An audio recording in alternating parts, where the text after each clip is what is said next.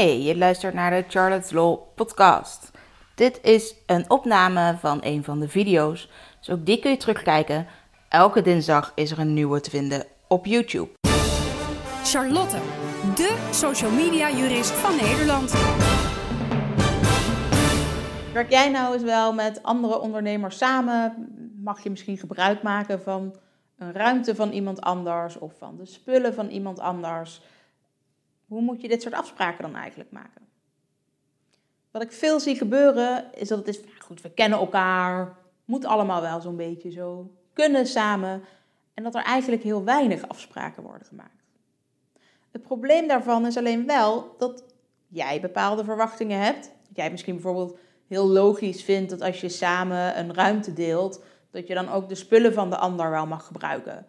Um, en dat jij het misschien heel erg logisch vindt dat je een keuken schoon achterlaat als je weer weggaat.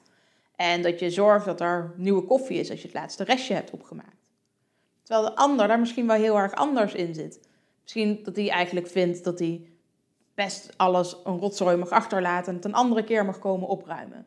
Dat er niet altijd een voorraad koffie hoeft te zijn, omdat iedereen maar voor zijn eigen voorraad moet zorgen.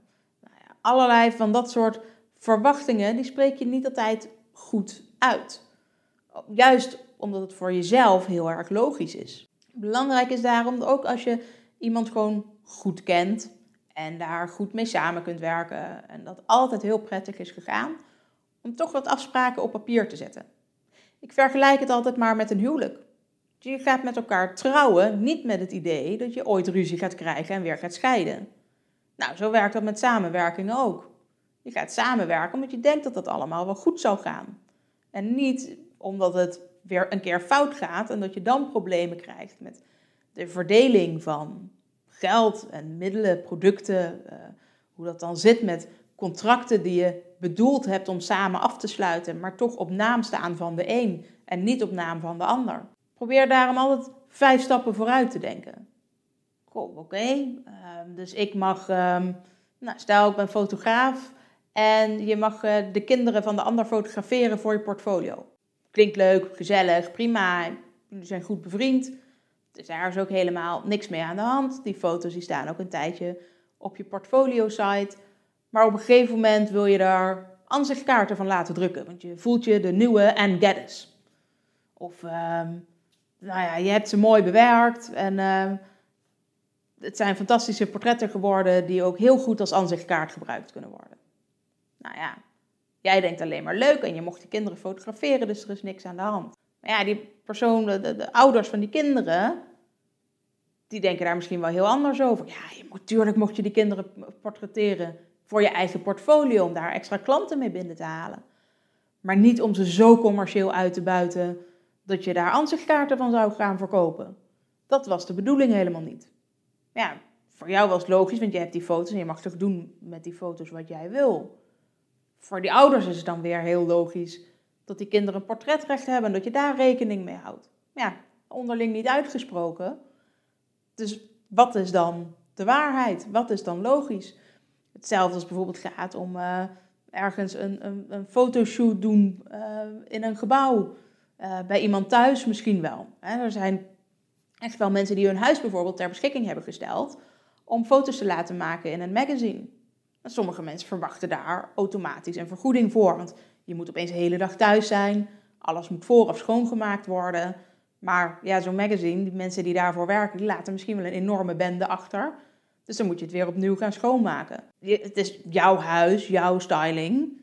Moet je daar niet eigenlijk een vergoeding voor kunnen krijgen? Het magazine denkt, ja hallo, het is voor jou gratis publiciteit.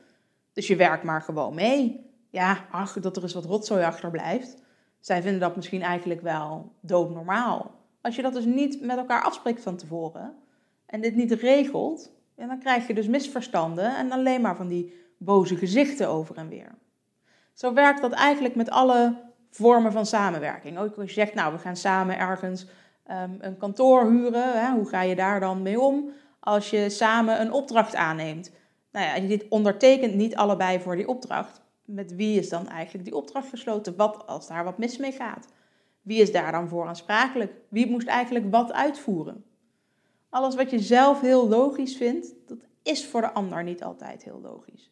Alles wat je dus niet hebt afgesproken, daar kun je dus later heel veel gedoe en oneenigheid mee krijgen. Probeer daar een vooraf van na te denken. Goh, wat zou hier nou allemaal mis kunnen gaan? Wat is belangrijk om af te spreken? Waarvan wil ik zelf verzekerd zijn? En zorg dat je dat in elk geval opschrijft in een overeenkomst. Kom je er namelijk nu al samen niet uit? Heb je nu al oneenigheid? Is dit iets waar je nu samen nog niet zeker over bent? Kan ik je op een briefje geven? Dan kom je daar later ook niet uit. Vooral niet als je ruzie krijgt. Nou, heb je nou hulp nodig bij het opstellen van zo'n overeenkomst? Of wil je even nalaten kijken of je niet misschien intern tegenstrijdig is? Of er dingen missen? Laat het dan vooral even weten. Bel of mail ons. We kijken graag met je mee.